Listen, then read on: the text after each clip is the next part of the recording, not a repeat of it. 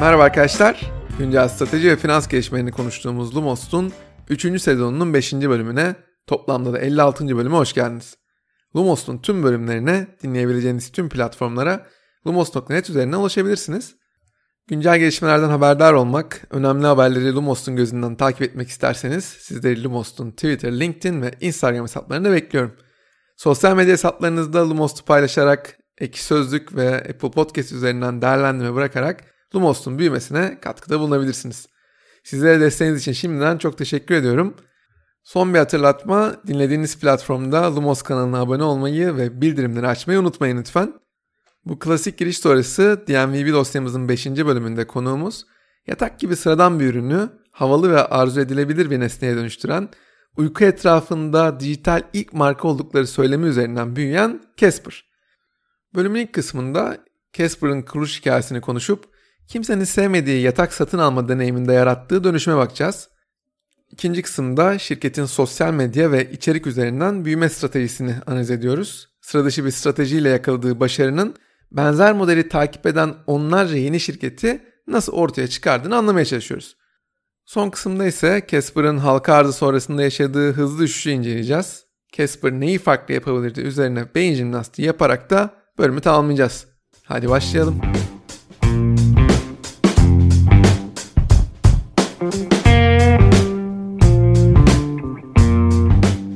yatak almak istediğinizde birbirine çok benzer onlarca farklı seçenek arasında kaybolmanız oldukça yüksek bir ihtimal.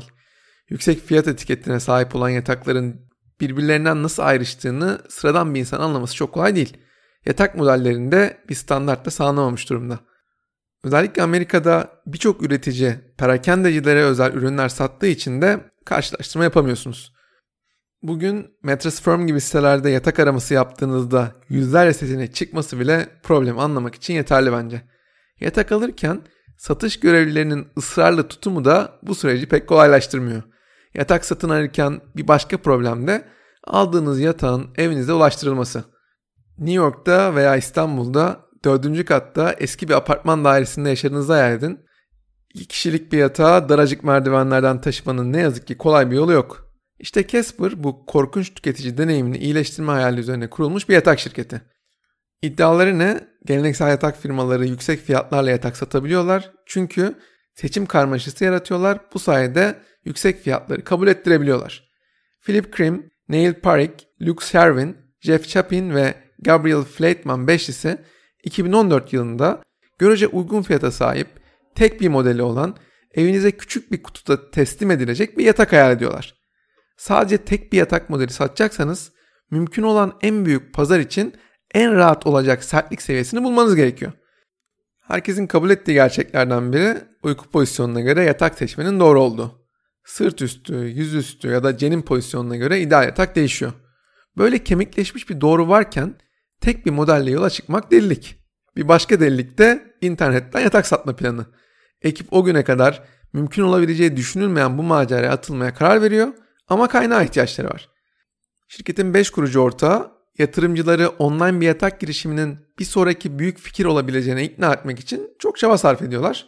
Yatırımcılar Philip Krim ve arkadaşlarını kimsenin internetten yatak almayacağını söyleyerek geri çeviriyorlar. Şirketin kurucuları yatırım bulamayınca ne yapıyor? Kendi paralarıyla çok inandıkları fikri hayata geçirmeye başlıyor. Şirketin kurucularının attığı ilk adım nasıl uyuduğumuzla ilgili herkes tarafından dile getirilen doğruları gözden geçirmek. Casper kurucuları birçok insanı uyurken kameraya alıyorlar ve çoğu insanın gece boyunca birçok pozisyon değiştirdiğini görüyorlar. İnsanlar gece boyunca uyku pozisyonlarını sürekli değiştiriyorlarsa tek bir pozisyona özgü yatak satmak da pek anlamlı değil. Yüzlerce yatak tipini test ettikten sonra insanların sırt desteği gibi benzer şeylere ihtiyacı olduğunu öğrenip buna göre bir prototip oluşturuyorlar. İkinci hedefleri de yatakları küçük bir kutuya sığdırabilmek. Casper'ın kurulduğu dönemde Amerika'da 11 bine yakın yatak mağazası bulunuyor. Bu mağazalar stokları azaldığında yerel distribütörlerden kolay şekilde sipariş verebildikleri için fazla envanter tutmak zorunda değiller. Mağaza sayısı arttıkça eve teslimat maliyeti de düşüyor. Bunun doğal sonucu ABD'nin neresinde olursanız olun bir yatak mağazasına sadece birkaç kilometre uzakta olmanız. Casper kurucuları yatakları kolay şekilde eve teslim etmenin bir yolunu bulabilirlerse ana amacı dağıtımı kolaylaştırmak olan binlerce mağazaya ve on binlerce satış görevlisine gerek olmayacağını düşünüyorlar. Yatakları daha kolay taşıyabilmek için küçük bir kutuya sığdırabilir miyiz diye çalışmaya başlıyorlar. Bunu başarmaları durumunda standart bir kargo şirketi kullanarak nakliye maliyetlerini onda bire düşürebilme ihtimalleri de var. Bu sayede insanların aldıkları yatağı evlerine test edebilmeleri de mümkün olacak. Yani yatağı küçük bir kutuya sığdırabilmek göründüğünden çok daha büyük bir etkiye sahip. Çeşitli demeler sonrası bunun doğru sıkıştırmayla mümkün olabileceğini görüyorlar. Ellerindeki prototiplerle hayal ettiklerini başarabilecekleri konusunda daha ikna ediciler artık. Bu ilk kıvılcım sonrası yaklaşık 2 milyon dolarlık bir tohum yatırım alıyorlar. Şirket resmi olarak 2014 yılının Nisan ayında faaliyete geçiyor. Birkaç saat içinde de ellerindeki 40 yataklık envanteri satmayı başarıyorlar. Casper kurucuları ilk yıllarında yaklaşık 1.8 milyon dolar değerinde yatak satmayı planlarken sadece 2 ayda bu rakama ulaşıyor. 2014'ün sonlarında Amerika'nın yanı sıra Kanada'ya da teslimat yapmaya başlıyorlar. Casper'ın piyasaya çıktığı dönemde en önemli avantajlarından biri tüketicilerin özellikle de gençlerin yatak dahil her şeyi internetten almaya hazır olmaları. Bu erken başarı Casper'ın Leonardo DiCaprio, Ashton Kutcher, Nas, 50 Cent gibi ünlü isimlerine dikkatini çekmesini sağlıyor. Casper 2014 yılının Ağustos ayında Serie A yatırım turunda 13.1 milyon dolar yatırım alıyor. 2015'in Haziran ayında ise Serie B yatırım turunda bu kez 55 milyon dolar yatırım alıyor. Şirket 2015'in ortasında 10 bin yatak sayısına ulaşmış bile. İlk fiziksel mağazasını Los Angeles'ta 2015 yılında açıyor Casper. Yine aynı yıl Time dergisi tarafından da en iyi 25 buluştan biri olarak gösteriliyor. Şirket ürünlerini çeşitlendirmek konusunda da hızlı davranmaya çalışıyor. 2016 yılında yastık, çarşaf, köpek yatağı gibi farklı ürünlerle satmaya başlıyor. 2016 yılında yıllık geliri 169 milyon dolar oluyor. Şirketin kısa sürede yakaladığı bu başarı yeni yatırımlarında kapısını aralıyor. Bunların belki de en önemlisi Target. 2017 yılında Target'ın Casper'ı 1 milyar dolar karşılığında satın almayı düşündüğü konuşuluyordu. Target bunun yerine Serie C yatırım turunda 75 milyon dolarlık bir yatırım yaptı ve mağazalarında Casper ürünlerini satmaya başladı. Serie C turunun toplam büyüklüğü de 170 milyon dolar oldu. Aynı yıl American Airlines ile işbirliğine giden Casper, uçuşlar için yastık ve battaniye de dahil olmak üzere bir dizi uyku ürünü de tasarladı. 2017 yılında gelirlerini bir önceki yıla göre %48 arttıran şirketin geleceği adına herkes pozitif düşünüyordu. Şirket unicorn statüsüne ise 2019'un başlarında seri D yatırım turunda 1.1 milyar dolar değerleme üzerinden aldığı 100 milyon dolarlık yatırımla ulaştı. 2019'un sonlarına doğru fiziksel mağaza sayısı 60'a ulaşan şirketin sattığı yatak sayısı da 1.4 milyonu geçmişti. Bu ana kadar Casper'ın kimsenin hoşlanmadığı yatak satın alma deneyiminde yarattığı dönüşümü inceledik Şimdi şirketin sosyal medya ve içerik üzerinden büyüme stratejisini analiz etme vakti.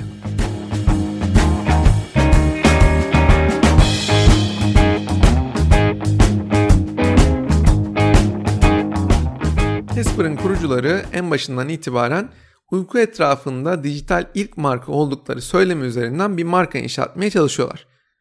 Bunu yaparken dünyanın finans başkenti New York ile kültür sanat başkenti Los Angeles üzerinden bir büyüme stratejisi belirliyorlar. Amerika'da yüksek pazar payına sahip rakiplerinden ayrışan bir strateji bu. Chicago merkezli Serta var. Kentucky merkezi Tempur-Pedic var. North Carolina merkezli Silly var. Bunların aksine merkezi New York'ta olan Casper sıra dışı reklamlarıyla metro istasyonlarını giydiriyor. Şehirli olduğu mesajını net bir şekilde hissettiriyor. Instagram ve Twitter influencerları üzerinden de hedefli bir stratejiyle ilerliyor Casper. Kylie Jenner gibi Instagram'ın yüksek takipçi sayısına sahip isimlerine astronomik bedeller ödüyor. Bu sayede bir anda ilgi odağı olmayı da başarıyor. Öyle ki Kylie Jenner Mart 2015'te yeni Casper yatağının resmini paylaştığında 800 binden fazla beğeni alıyor. Şirket bu sayede net yatak satışlarını hemen ikiye katlıyor. İnsanlar sosyal medya hesaplarında mavi beyaz karakteristik bir kutuda teslim edilen Casper yataklarını paylaşmaya başlıyorlar. Apple'a benzer şekilde Casper da ürünlerini kutusundan çıkarmak kadar sıradan bir şeyi unutulmaz, paylaşmaya değer bir deneyime dönüştürüyor. Yatak gibi sıradan bir ürünü havalı ve arzu edilir bir nesneye dönüştürmesi Casper'ın ilk yıllarındaki en önemli başarısıydı belki de. Casper'ın çok başarılı yaptığı şeylerden biri de içerik üreterek büyüme stratejisi. Arama motor optimizasyonu DMVB'lerin bilinirliğini satışa dönüştürmek için kritik bir öneme sahip. Casper blogunda üretilen uyku temalı yüzlerce içerik şirketin Google aramalarından önemli bir trafik almasını sağlıyor. Her ay yaklaşık 3 milyon sayfa ziyaretine ulaşan Casper.com'da organik trafik oranı %85'in üzerinde. Casper aylık 550 binden fazla arama hacmine sahip yatak kelimesinde Google'da üst sıralarda yer almak için hem arama motor optimizasyonuna hem de ücretli reklamlara büyük bütçeler ayırıyor. İnsanların bir yatak aramak ve satın almak için kullanabileceği, akla gelebilecek her anahtar kelime için özelleştirilmiş açılış sayfaları oluşturuyor. Şirket yatakla ilgili o kadar çok terim için sonuçların en üstünde görünüyor ki Casper'ın bazı rakipleri bunun rekabete aykırı olduğunu bile iddia etmiş geçmişte. Yatak, yastık gibi jenerik kelimelerin dışında nasıl uykuya hızlı dalınır gibi sorgularda da ürettiği içerikler sayesinde en tepelerde yer alıyor. Casper'ın Google'daki yaygınlığını izlemek için kullanabileceğimiz Ahrefs'e baktığımızda 79 gibi çok iyi bir skora sahip olduğunu görüyoruz. Tüm DMV'leri düşündüğümüzde Casper bu skor anlamında en başarılı şirketlerden biri. Yazılarda kullandıkları mizahi dil başarılı görsellerle birleşince ortaya okunası içerikler çıkıyor. İlginç bir şekilde Casper bu sayfalarda bir e-posta adresi istemiyor. Bunun yerine sizi uyku alışkanlıklarınızla ilgili bir anket doldurmaya teşvik ediyor. Bunun karşılığında da 25 dolarlık bir hediye çeki veriyor. Casper'ın yatak satın alma deneyiminde çözüm ürettiği bir başka problemli noktada yıllardır yatak satın almanın sorunlu bir parçası olan iade konusu. Yatak şirketleri yatağın nasıl geri döneceğini bilmediği için iade sürecini olabildiğince zorlaştırırlar. Bazı şirketler ürünü iade etmenize hiç izin vermezken bazıları da izin vermesine rağmen bunun nasıl ve ne zaman yapılabileceği konusunda çok katı sınırlara sahiptiler. Müşterilerin yatağı geri göndermek için yüzlerce dolar ödemesi gerekir. Casper geleneksel örneklerinden ayrışmak adına aldığınız yatağı 100 gün içinde ücretsiz iade edebilme hakkı tanıyor. Aldığınız yatağı beğenmediniz diyelim. Casper gelip yatağı sizin evinizden tekrar teslim alıyor problemi olabildiğince pürüzsüz bir şekilde çözüyor. Yani Casper yatakları geri iade eden müşterilerin bile deneyimden memnun kalmalarını sağlamaya çalışıyor. Şirket iade edilen yatakları ise yerel bir hayal kurumuna başlıyor. Casper'ın yatak endüstrisi için sıra dışı bir stratejiyle yakaladığı başarı benzer modeli takip eden onlarca yeni şirketi de ortaya çıkarmış.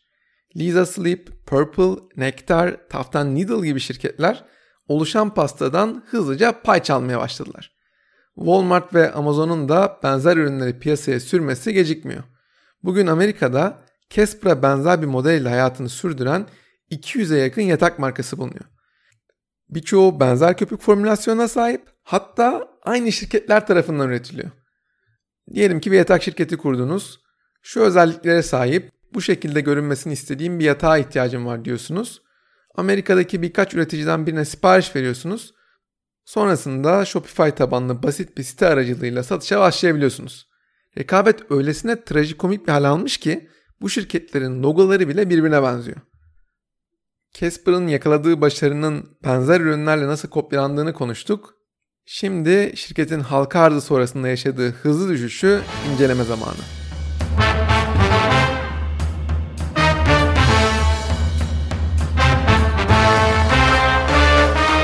Casper'ın halka arzı sonrasında yaşadığı hızlı düşüşü konuşmaya başlamadan önce wellness kavramını biraz açmak istiyorum. Sağlıklı ve iyi yaşam olarak Türkçeleştirebileceğimiz wellness kavramı fiziken ve ruhen sağlıklı olma durumunu ifade ediyor.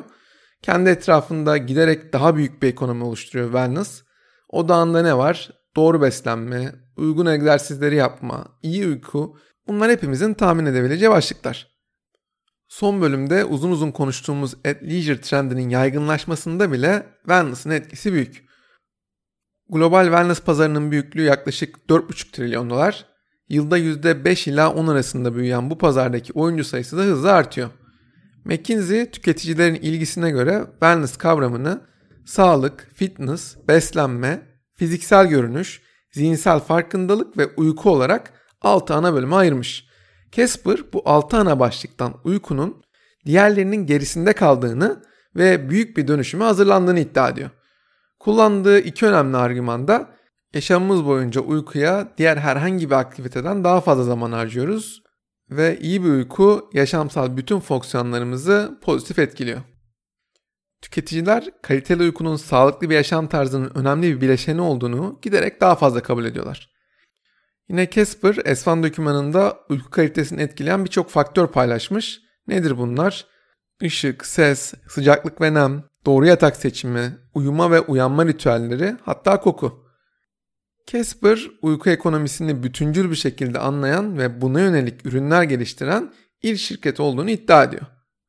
Frost and Sullivan tarafından yayınlanan rapora göre ülke ekonomisinin büyüklüğü 432 milyar dolar iken 2024 yılında 600 milyar dolarlık bir büyüklüğe ulaşması bekleniyor. Casper ne yapmaya çalışıyor? Böylesine büyük bir pazarın en büyüğü olma hayalini satmaya çalışıyor bizlere. Tabi hayaller rakamlarla desteklendiği ölçüde inandırıcı.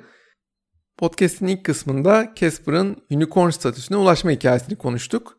İlk yıllarda hemen herkesin övgüyle bahsettiği şirketin geleceğinden şüphe duyan kimse yok görünüyordu. Ancak halka arz kararı almasıyla birlikte Pandora'nın kutusu da açıldı. Şirketin finansal sağlığından şüphe edenler artık çok daha sağlam argümanlar öne sürmeye başladılar. Büyümek için çok fazla para yakan Casper'ın orta uzun vadede bile karla ulaşması pek mümkün görünmüyordu. DNVB'lerin kendilerini tanımlarken teknoloji şirketiymiş gibi gösterme hatasına Casper'da düşmüş. Teknoloji şirketleri çoğu zaman yüksek kar marjlarıyla tekrarlı gelirlere sahipler. DNVB'lerin bu şirketler yarışacak bir kar marjına sahip olması çok kolay değil. Tekrarlı gelir konusunu düşündüğümüzde de bir problem olduğu açık. Bir insan hayatında kaç kez yatak alır ki sorusunu sorduğunuzu duyar gibiyim.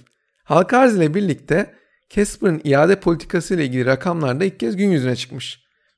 Casper yönetiminin çok az iade olacağı üzerine oynadığı kumarın insanların internetten yatak almak gibi çok zor verebileceği bir kararı kolaylaştırdığı kesin. Ancak iadeler nedeniyle şirketin yıllık 81 milyon dolar kaybettiği anlaşılınca bu politikada sorgulanmaya başlıyor. Bütün bunlar Casper'ın geleceğiyle ilgili soru işaretlerini de arttırıyor. Casper 2020'nin Şubat ayında 476 milyon dolar gibi beklentilerin çok altında bir piyasa değeri üzerinden halka arz ediliyor. Son yatırım turunu 1.1 milyar dolar değerleme üzerinden kapatan bir şirket için bu halka arzın başarı olmadığı açık. Halka arzın hemen ardından pandemi de başlayınca işler daha da içinden çıkılmaz bir hale geliyor. Şirketin değeri 163 milyon dolara kadar geriliyor. Casper'ın bir diğer problemi de dijital pazarlamanın faydalarından sonuna kadar beslenen bir şirket olarak iOS 14.5 güncellemesinden fazlasıyla etkilenmiş olması. Bu konu özellikle DMVB'ler için çok kritik olduğundan detaylarından bahsetmek istiyorum biraz. iOS cihazlar içerisinde Identifier for Advertisers, IDFA olarak bilinen cihazı tanımlayan tekil bir ID var. IDFA ile kullanıcıların mobil uygulama ve web sitesindeki davranışları izleniyor. Google, Facebook, Instagram gibi mecralarda kişiselleştirilmiş reklamlar sunulabiliyor. Apple iOS 14.5 sürümüyle birlikte tüm uygulamaların IDFA için açık izin almasını istemeye başladı. Kullanıcıların ne kadarının veri takibine izin verdiği net olarak açıklanmasa da oranın %15'ler seviyesinde kaldığı tahmin ediliyor. Kullanıcılar reklam almaya devam ediyorlar ancak reklamlar kişiselleştirilemediği için eskiye göre reklamların performansı çok daha düşük kalıyor. Bu da Casper gibi şirketlerin benzer reklam harcamalarına rağmen çok daha az satış yapmaları neden oluyor. Casper ne yazık ki karlılık tarafında iyiye gittiğine dair işaretleri bir türlü gösteremedi. Yatırımcılar en azından onları heyecanlandıracak kadar hızlı büyüme istiyorlar. Casper'ın finansallarına baktığımızda 2020 yılında 497 milyon dolar gelir elde ediyor şirket. Bir önceki yıla göre bu %13'lük büyüme anlamına geliyor. Son bir yıla baktığımızda da gelirlerini %17 arttırmış. Bir zamanlar %50'lere yaklaşan büyüme rakamlarına göre bu rakamlar pek de tatmin edici değil. IPO öncesi radar altında kalarak bazı şeyleri olduğundan daha iyi göstermek, hikayeyi değiştirmek mümkün olabiliyor. Ama halka açık bir şirketseniz ve karlılığa karşılık büyüme oyunu oynuyorsanız gelecek adına net bir plana sahip olmanız gerekiyor. Casper 2020 yılı içinde önce Avrupa operasyonlarını kapattı, sonra insan kaynağı anlamında da %20'lik bir küçülmeye gitti. Bu kısa süreli pozitif bir etki yaratsa da bu yılın 3. çeyreğinde CMO, CFO ve CEO dahil yeni bir işten çıkarma operasyonu daha yaptı. Casper'ın kendi başına devam etmek için çok karsız olması ve elindeki nakdi tüketmesi Casper yönetimini bir karar vermek zorunda bıraktı. Geçtiğimiz ayın ortalarında Durational Capital Management isimli private equity yaklaşık 280 milyon dolara Casper Sleep'i satın aldığını duyurdu. Gelir çarpanı olarak 0.5 gibi önceki bölümlerde konuştuğumuz Warby Parker, Allbirds gibi DMVB'lerle karşılaştırılamayacak kadar mütevazi bir çarpandan satış gerçekleşti. Anlaşma kapsamında Casper'ın operasyonlardan sorumlu başkan yardımcısı Emily Errol, CEO pozisyonunu Philip Krim'den devraldı. Ben kendi adıma 2020'nin ilk çeyreğinde tamamlanması beklenen bu anlaşmanın iki taraf için de anlamlı olduğunu düşünüyorum. Casper açısından bakalım. Kasadaki nakit bu kadar azaldığında tedarikçileriniz sizin durumunuzdan endişelenmeye başlarlar ve eskiye göre daha fazla nakit talep edebilirler. Bu da nakit sıkışıklığınızı daha da arttırır. Bu noktada Casper ya şirketi tamamen satacaktı ya da sermaye arttırımına gidecekti. Şirketin piyasa değeri bu kadar düşükken sermaye arttırımı yapmak şirkete daha da fazla zarar verebilirdi. Durational Capital Management tarafından baktığımızda da Casper memnun müşterilere ve çok iyi bir marka değerine sahip. Casper'ın Purple gibi rakiplerine bakarak genel yönetim gideri tarafında önemli bir tasarruf yapması da olası. Ayrıca pazarlama tarafında daha kontrollü büyümeye odaklanmalarını da bekleyebiliriz. Online bir yatak şirketi kurmanın bu kadar kolay olduğu bir ortamda ilk olsanız bile rakiplerinizden ayrışamıyorsanız ölçeklenme anlamında pek bir şansınız olmuyor. Benim burada öne çıkarmak istediğim şirket 8Sleep. 8Sleep geliştirdiği akıllı yatakla size şimdikinden çok daha rahat bir uyku vaat ediyor. 8Sleep'in kurucuları rahat bir uyku için en önemli faktörün ortam ısısı olduğunu iddia ediyor. Uykunuzu takip etmesinin yanında gece boyunca rahat olmanızı garantilemek adına kendi sıcaklığını dinamik olarak ayarlıyor yatak. E, ayrıca direkt vücuda temas ettiği için de içine gömülü ısı sensörleri sayesinde sürekli ölçüm yapıyor. Yatak kendi ısısını uyuyan kişinin rahatı için anında değiştirebildiğinden aşırı ısınmayı veya üşümeyi engellemiş oluyor. Vücudunuzdan alınan ölçümler gerçek zamanlı bir şekilde yapay zeka algoritması tarafından analiz ediliyor. Yatak kendi ısısını 12 ila 46 derece arasında otomatik şekilde ayarlayabiliyor. Teknolojik olarak yatağın ısınması ya da soğuması ince bir su tabakası yardımıyla sağlanmış. 8Sleep bu yılın Ağustos ayında 86 milyon dolar yatırım almış. Değerlemesi şimdiden 500 milyon dolara çıkmış. Özellikle sporcular tarafından tercih ediliyor. Zaman geçtikçe çok daha büyük kitlelere ulaşacağı da açık. Halka arzı sırasında teknoloji şirketi olduğunu iddia eden Casper, Acer'e benzer ürünleri portföyüne ekleyebilseydi bence bugün farklı şeyler konuşuyor olabilirdik. Yine bir bölümün daha sonuna geldik. Sonuç olarak Casper'ın bağımsız, büyüme odaklı bir DMVB olarak ölümünden herkes adına çıkarılacak bolca ders var. İlk olsanız bile rakiplerinizden ayrışamıyorsanız bir noktada ölçek problemi yaşamanız ve karlılık anlamında sorgulanmanız oldukça yüksek ihtimal. Halka açık bir şekilde hayatına devam etmeyecek olan Casper'ın problemlerini kendi içinde çözmeye çalışması çok daha kolay olacaktır. Önümüzdeki dönemde Casper'ın Durational Capital Management liderliğinde yazmaya çalışacağı diriliş hikayesini yakından izlemeye devam edeceğiz. Haftaya görüşmek üzere.